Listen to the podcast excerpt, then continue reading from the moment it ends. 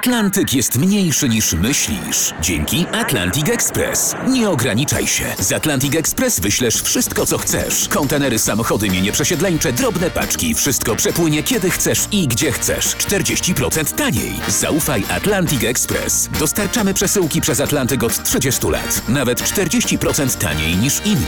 Dzwoń 1 800 775 73 63. Ekspresowo przez Atlantyk. Tylko z Atlantic Express. Dorwać bestie w RMFFM. Imię i nazwisko.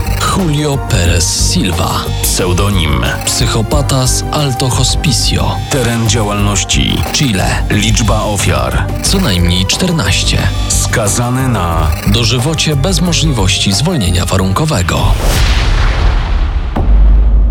Przez długie lata wydawało się, że Julio Perez Silva niczym szczególnym się nie wyróżnia. Był małomównym, skrytym mężczyzną. Jeżeli już komuś o czymś opowiadał, najczęściej były to historie dotyczące psów, które uwielbiał. El Nacho, czarnego psiaka wałąsającego się po okolicy, suczki La Duquessa i psa wabiącego się syn, którego Silva tak nazwał, ponieważ kochał go jak własnego syna. W La Pampa, gdzie przez pewien czas mieszkał, nikt nie umiał powiedzieć o Julio złego słowa. Jedna z jego ówczesnych sąsiadek, Alicja Morena, wiele lat później wyznała. W kwietniu 97 roku mój syn zachorował na żółtaczkę. Julio przynosił mu jedzenie, kiedy ja byłam w pracy. A gdy zepsuł nam się telewizor, syn ochoczo biegał oglądać filmy do domu Silwy. Drugą pasją Julio Pereza była piłka nożna. Był prawym obrońcą najpierw w klubie El Esfuerzo, a następnie w senior Team Iquique. Reprezentował nawet miasto w Mistrzostwach Ameryki Południowej w 1999 roku. Jego koledzy z drużyny zapamiętali go jako nieśmiałego, aczkolwiek skutecznego zawodnika. Za wiele to on nie gadał, za to dobrze kopał. Pewnego dnia pojawił się na treningu z ufarbowanymi włosami. Trochę się z niego podśmiewaliśmy. Mężczyźni nie mieli pojęcia, że zmiany koloru włosów Silwy miały kamuflować jego wygląd i że ich cichy kolega z drużyny jest najbrutalniejszym seryjnym mordercą w historii Chile.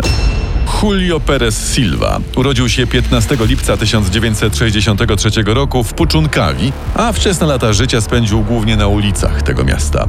Gdy miał 7 lat, ojciec niemal roztrzaskał jego głowę o ścianę. Była to kara za to, że dziecko weszło do pokoju mężczyzny bez pukania. Matka nie była w stanie ochronić chłopca, ponieważ sama była ofiarą przemocy ze strony swojego męża. Kiedy ojciec Julio wracał z zakrapianych imprez, cała rodzina ukrywała się w ogrodzie, dopóty, dopóki nie usłyszano chrapania mężczyzny.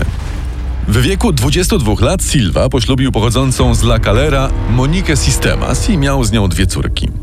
Wkrótce jednak rozstał się z żoną. Zamieszkał ponownie w Puczunkawi z Marielą Vergawą i wychowywał z nią jej córki. Jednak ten związek także nie przetrwał. W połowie lat 90. Silva przeprowadził się do Iquique, stolicy regionu Tarapaka, w poszukiwaniu pracy. Zatrudnił się przy załadunku worków z solą. Na przyjęciu poznał starszą o 14 lat Nancy Boero, matkę szóstki dzieci. Po dwóch tygodniach para zamieszkała razem. Sąsiedzi z podziwem patrzyli, jak Julio angażuje się w ten związek. To była taka miła para. Julio bardzo kochał Nancy, troszczył się też o jej dzieci. Niebawem Silva i jego nowa partnerka osiedlili się w pobliskim Alto Hospicio, najpierw w dzielnicy zwanej La Negra, a następnie w innej Auto Construcción. Początkowo mężczyzna pracował jako robotnik budowlany. Jeździł wówczas szarym Nissanem, którego zamienił na białą Toyotę Corollę. Samochody także należały do wąskiego kręgu jego zainteresowań. Wielu świadków twierdzi, że marzył o zakupie furgonetki. Przydałaby się do wożenia różnych elementów na budowę. Jednak marzenie pozostało niezrealizowane, bo Julio szybko stracił pracę w Alto Hospicio. Postanowił zarabiać jako taksówkarz, nielegalnie, bez licencji. Wtedy to rozpoczął ciąg zbrodni, które przyniosły mu niechlubną sławę i przydomek psychopaty z Alto Hospicio. Jego pierwsze morderstwo miało miejsce 16 września 1998 roku. Na wybrzeżu Iquique zaczepił 17-letnią Gracielę Sarawię. Już po aresztowaniu wyznał. Nie chciałem jej zabić. Zaproponowałem jej pieniądze za seks, a ona się zgodziła. Po wszystkim jednak próbowała mnie okraść. To mnie rozwścieczyło. Julio uderzył dziewczynę tak mocno, że zginęła na miejscu. Jej zwłoki porzucił na plaży. Rok później, 24 listopada, zaproponował 14-letniej Makarenie Sanchez podwózkę do szkoły. Ponieważ dziewczyna faktycznie czekała już długo na przystanku na kursujący nieregularnie autobus, a bała się spóźnić na lekcję, skorzystała z oferty uprzejmego kierowcy. Nigdy więcej nie widziano jej żywej. Po latach okazało się, że morderca zagroził jej nożem, zgwałcił ją, zabił, a jej ciało wrzucił do głębokiego na 220 metrów szybu Guantajaya Pique.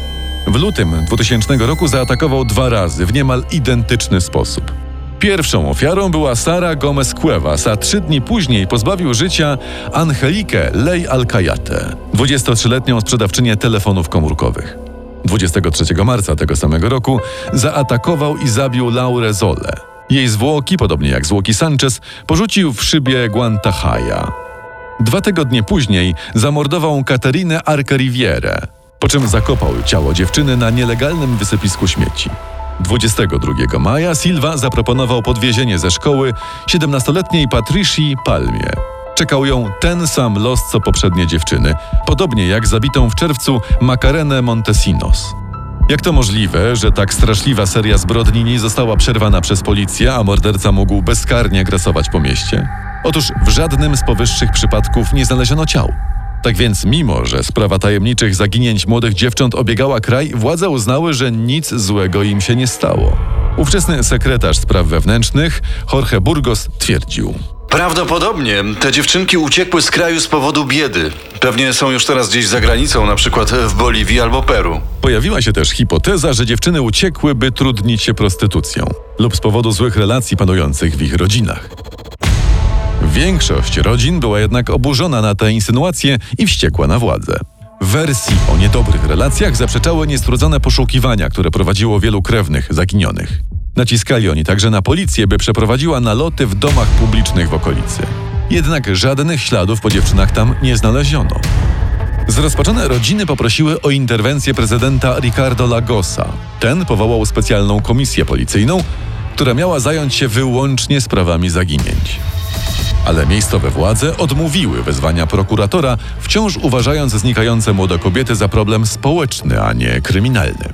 Wśród najbardziej aktywnych rodziców poszukujących córek wyróżniał się Orlando Garay, ojciec zaginionej Viviany Garay, która, jak się okazało, także została jedną z ofiar psychopaty z Alto Hospicio.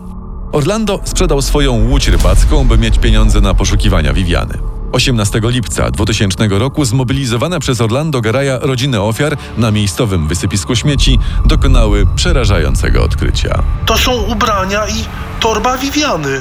A taki plecak miała moja Katrin! Znaleziono też bieliznę Patrycji Palmy. Determinacja rodzin ofiar chwilowo wypłoszyła Julio Pereza Silva, który na pewien czas zaprzestał ataków.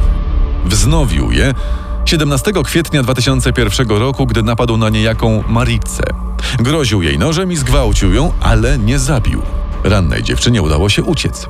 W szpitalu pobrano próbki nasienia agresora, które później zostały dopasowane do DNA Julio Pereza Silwy, co było jednym z kluczowych dowodów w tej sprawie.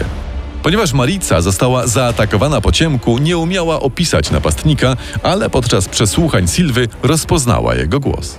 Jednak w czasie, kiedy morderca próbował zabić dziewczynę, śledztwo wciąż tkwiło w martwym punkcie.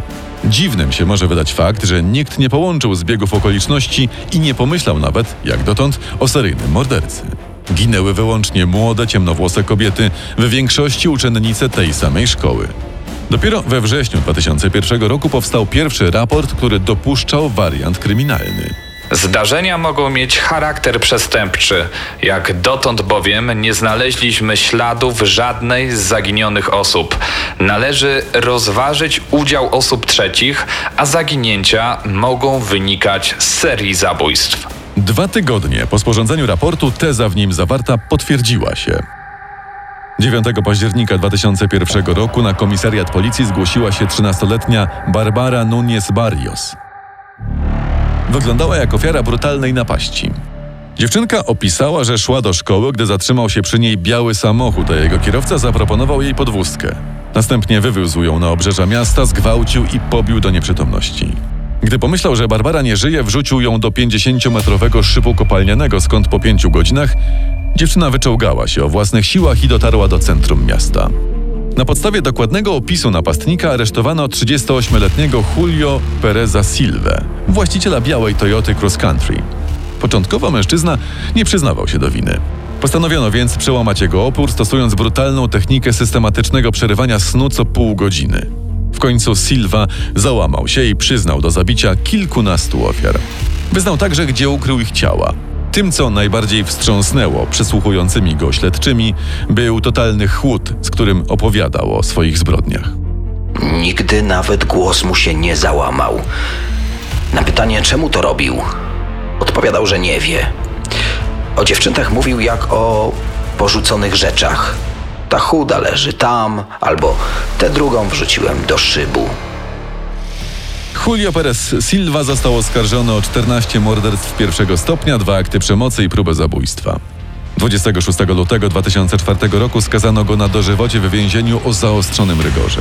9 stycznia 2005 roku Silva próbował się powiesić na sznurówkach. Węzeł zacisnął za pomocą szczoteczki do zębów. Szybka reakcja strażnika uratowała mu życie. Po tym zdarzeniu Silva był długo hospitalizowany z powodu niedotlenienia mózgu.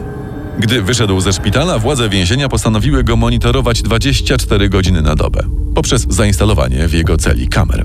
12 stycznia 2011 roku Julio Perez Silva, jeden z największych seryjnych morderców w historii Chile, został przeniesiony do więzienia Colina I w Santiago, gdzie odbywa karę po dziś dzień. Poznaj sekrety największych zbrodniarzy świata. Dorwać bestie w RMFFM.